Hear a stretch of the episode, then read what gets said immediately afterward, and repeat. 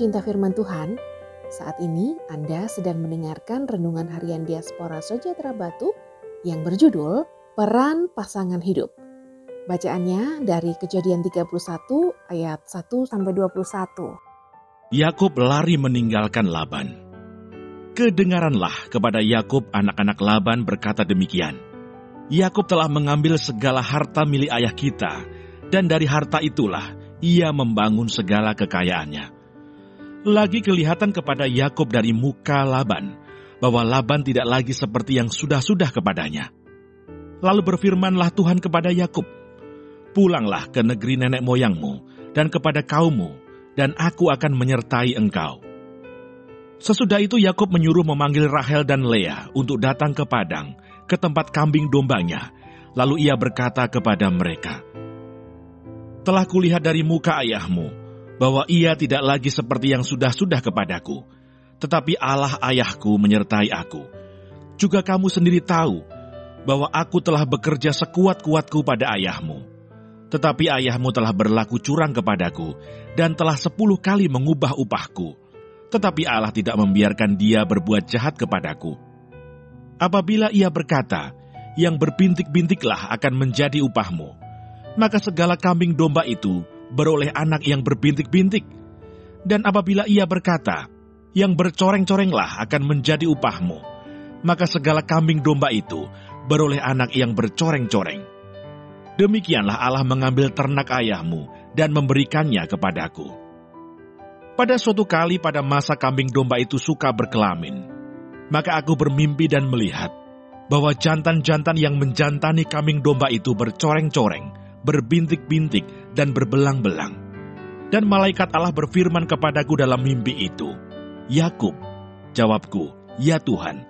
Lalu ia berfirman, angkatlah mukamu dan lihatlah, bahwa segala jantan yang menjantani kambing domba itu bercoreng-coreng, berbintik-bintik, dan berbelang-belang. Sebab telah kulihat semua yang dilakukan oleh Laban itu kepadamu. Akulah Allah yang di Betel itu, di mana engkau mengurapi tugu, dan di mana engkau bernasar kepadaku. Maka sekarang bersiaplah engkau, pergilah dari negeri ini, dan pulanglah ke negeri sanak saudaramu. Lalu Rahel dan Lea menjawab Yakub katanya, Bukankah tidak ada lagi bagian atau warisan kami dalam rumah ayah kami? Bukankah kami ini dianggapnya sebagai orang asing karena ia telah menjual kami?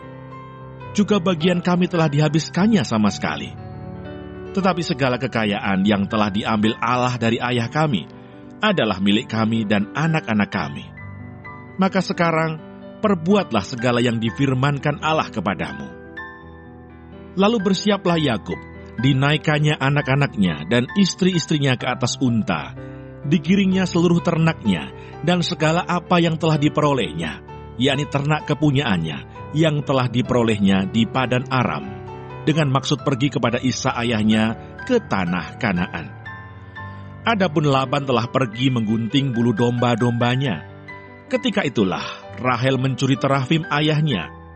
Dan Yakub mengakali Laban, orang Arab itu, dengan tidak memberitahukan kepadanya bahwa ia mau lari. Demikianlah ia lari dengan segala harta miliknya. Ia berangkat menyeberangi sungai Efrat dan berjalan menuju pegunungan Gilead.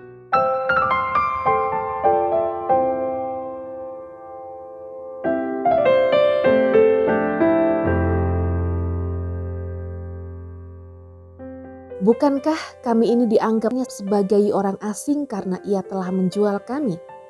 Juga bagian kami telah dihabiskannya sama sekali. Tetapi segala kekayaan yang telah diambil Allah dari ayah kami adalah milik kami dan anak-anak kami. Maka sekarang, perbuatlah segala yang difirmankan Allah kepadamu. Kejadian 31 ayat 15 sampai 16.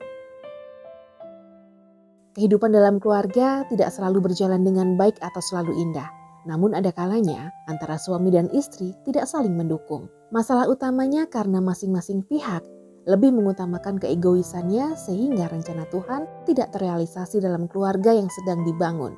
Sama seperti Rahel dan Lea yang sering mengalami konflik karena hubungan mereka dengan Yakub. Namun ketika menceritakan rencana dan penyertaan Tuhan dalam hidupnya, berkat yang Allah berikan kepada Yakub dan kecurangan yang dilakukan oleh Laban kepadanya, maka Lea dan Rahel mendukung apa yang menjadi keputusan suami mereka, yaitu meninggalkan Laban dan kembali kepada Esau. Melalui peristiwa ini kita bisa belajar bahwa salah satu tanggung jawab suami maupun istri adalah mendukung pasangan yang Tuhan berikan untuk melakukan kehendak Tuhan dalam hidupnya dan bukan menjadi penghalang. Oleh karena itu diperlukan iman dan pengertian yang benar tentang Tuhan serta memahami tujuan Tuhan membentuk keluarga dan tujuan Allah tersebut harus diwujudkan dalam keluarga masing-masing. Mari kita belajar menjadi suami atau istri yang mendewasakan iman dan kepribadian pasangan masing-masing supaya nama Tuhan dipermuliakan melalui keluarga. Janganlah kamu merupakan pasangan yang tidak seimbang dengan orang-orang yang tak percaya. Sebab persamaan apakah terdapat antara kebenaran dan kedurhakaan? Atau bagaimanakah terang dapat bersatu dengan gelap?